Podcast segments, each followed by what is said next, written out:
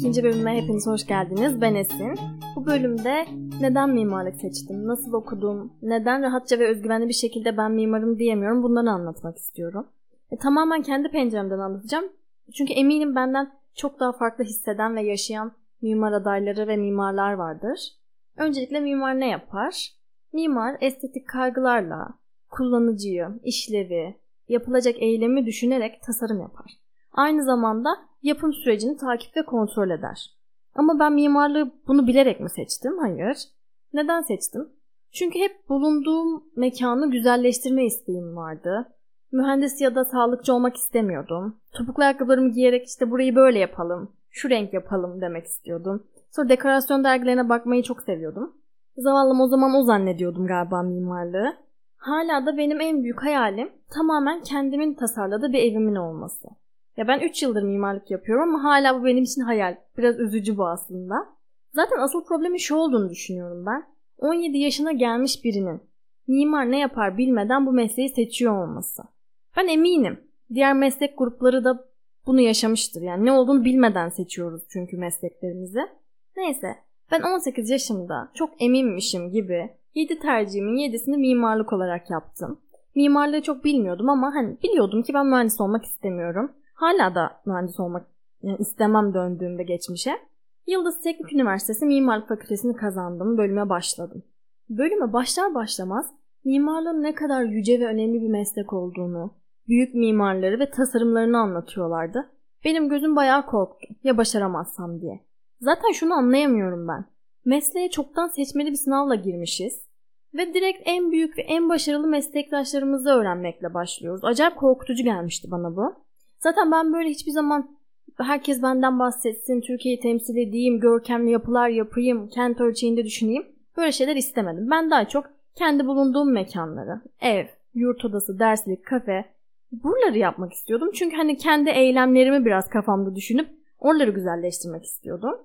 Neyse bir şekilde ben dersleri öyle böyle geçiyordum. Düşük de olsa, yüksek de olsa. Burada biraz başarısızlığımı kabul etmem gerekecek. Çünkü çok severek çalışmıyordum. Çok da emek vermiyordum. Her hafta 10-15 kişilik bir stüdyoda sert eleştiri almak ya da yanımdaki arkadaşların eleştiri alması hoşuma gitmiyordu. Bu yaşa kadar matematiği iyi olarak herkes tarafından övülmüş çocuklar olarak bize gömülüyordu resmen. Artık bize birer tasarımcı adayı olarak bakıyorlardı ve sert eleştirileri kaldırmamızı bekliyorlardı bence. Burada hemen bir anımı anlatmak istiyorum ben.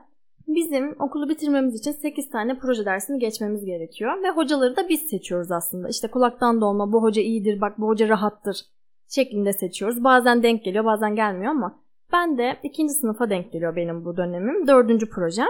Bir hocayı profesör olduğu için seçtiğimi hatırlıyorum. Hani hakkında çok bir bilgim yoktu ama ilk derste başladık. Daha tanışma. Hiçbir şekilde hocayla daha önceden görüşmüşlüğüm, konuşmuşluğum yok.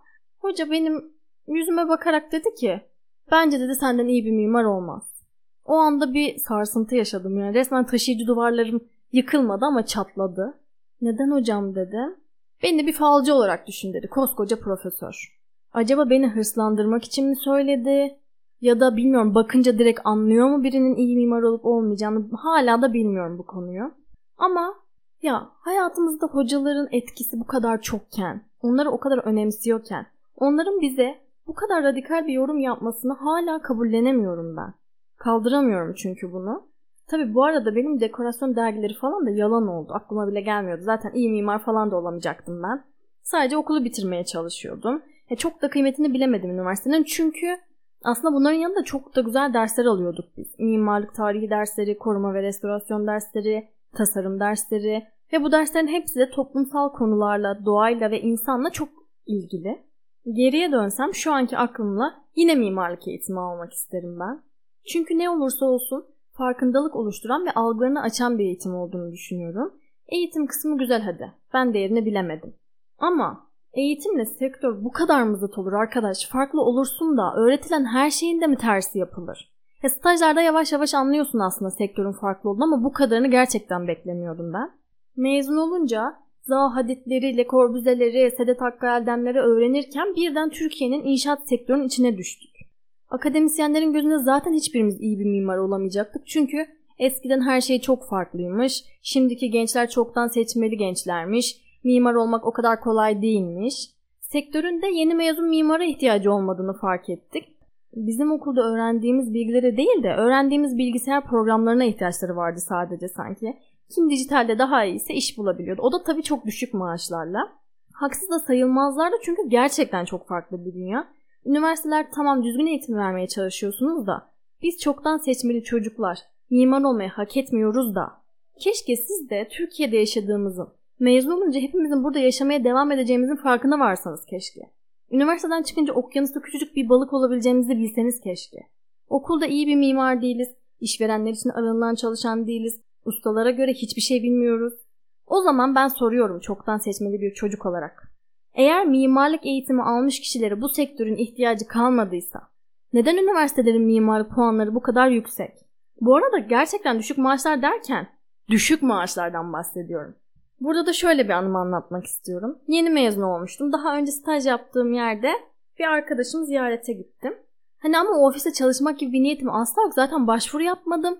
Onlar prefabrik fabrikalar yapıyorlar. Ayrıca ofisi de hiç sevmemiştim zaten. O yüzden başvuru da yapmamıştım. Ee, sahiplerinden mimar kadının odasına geçtim. İşte normal konuşuyoruz nasıl gidiyor dedi bana. Dedim işte mezun oldum iş arıyorum ama dedim kendimi çok da yeterli hissetmiyorum dedim. Bana tavsiye vermesini bekliyordum galiba ama kadından gelen karşılık şuydu. Sen burada uzun dönem staj yapsana. Ama staj gibi düşünme. Her gün geleceksin, işi takip edeceksin. Hem deneyim kazanırsın. Ya ben o an böyle kemküm ettim ama çıktım ofisten. Arkadaşıma dedim ben nasıl hayır diyeceğim. Kadın bana bunu sormaya utanmadı ama ben nasıl hayır diyeceğimi düşündüm. Hadi ben yeni mezundum. Benim yüksek lisansı bitirmeye çok yakın bir arkadaşım var.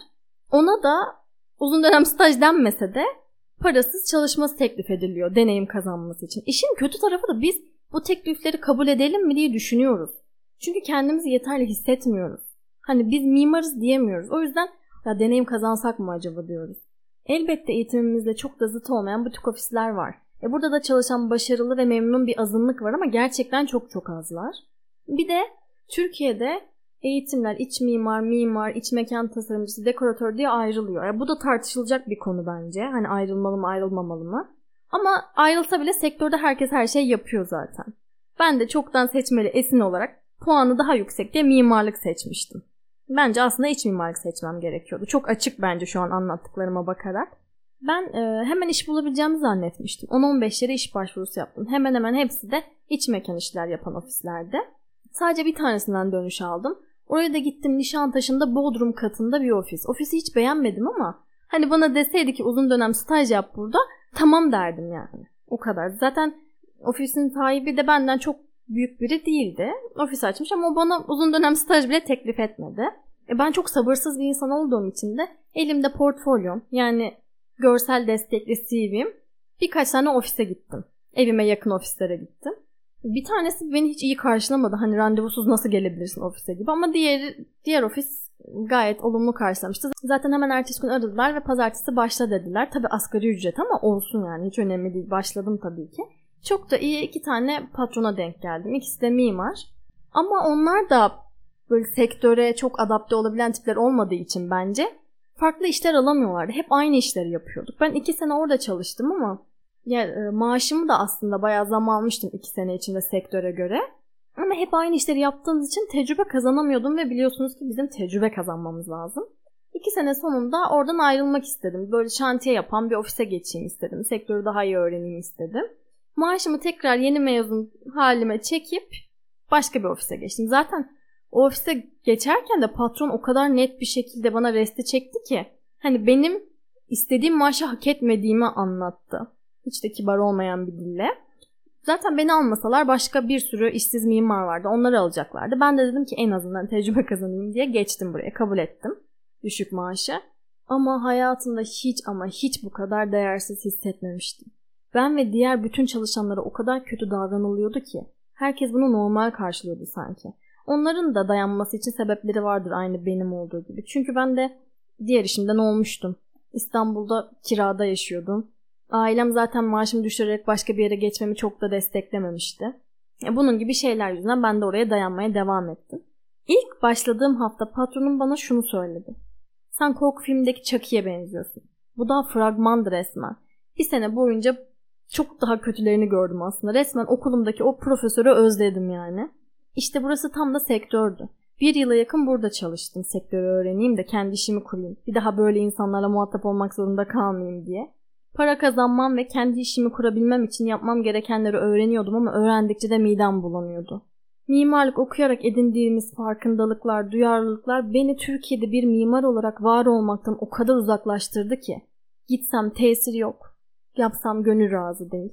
Benim bu 3 yılda başarabildiğim şey tek başıma yaşadığım bir eve çıkabilmek. Zaten ben evim güzel olsun diye mimar olmamış mıydım? E, güzel değildi bu arada aşırı küçüktü ama olsun benimdi. Şu anda ben hayatımın en büyük lüksünü yaşıyorum. Düşünebilmek için bir süre sektörde çalışmamaya karar verdim. Bunu yapabilmek için de tek yaşadığım evimi kapattım. Şimdilik de araftayım, firardayım, hastayım hatta demiş düşünür. Sizce kaç bahar sonra iyileşecek bu yürek?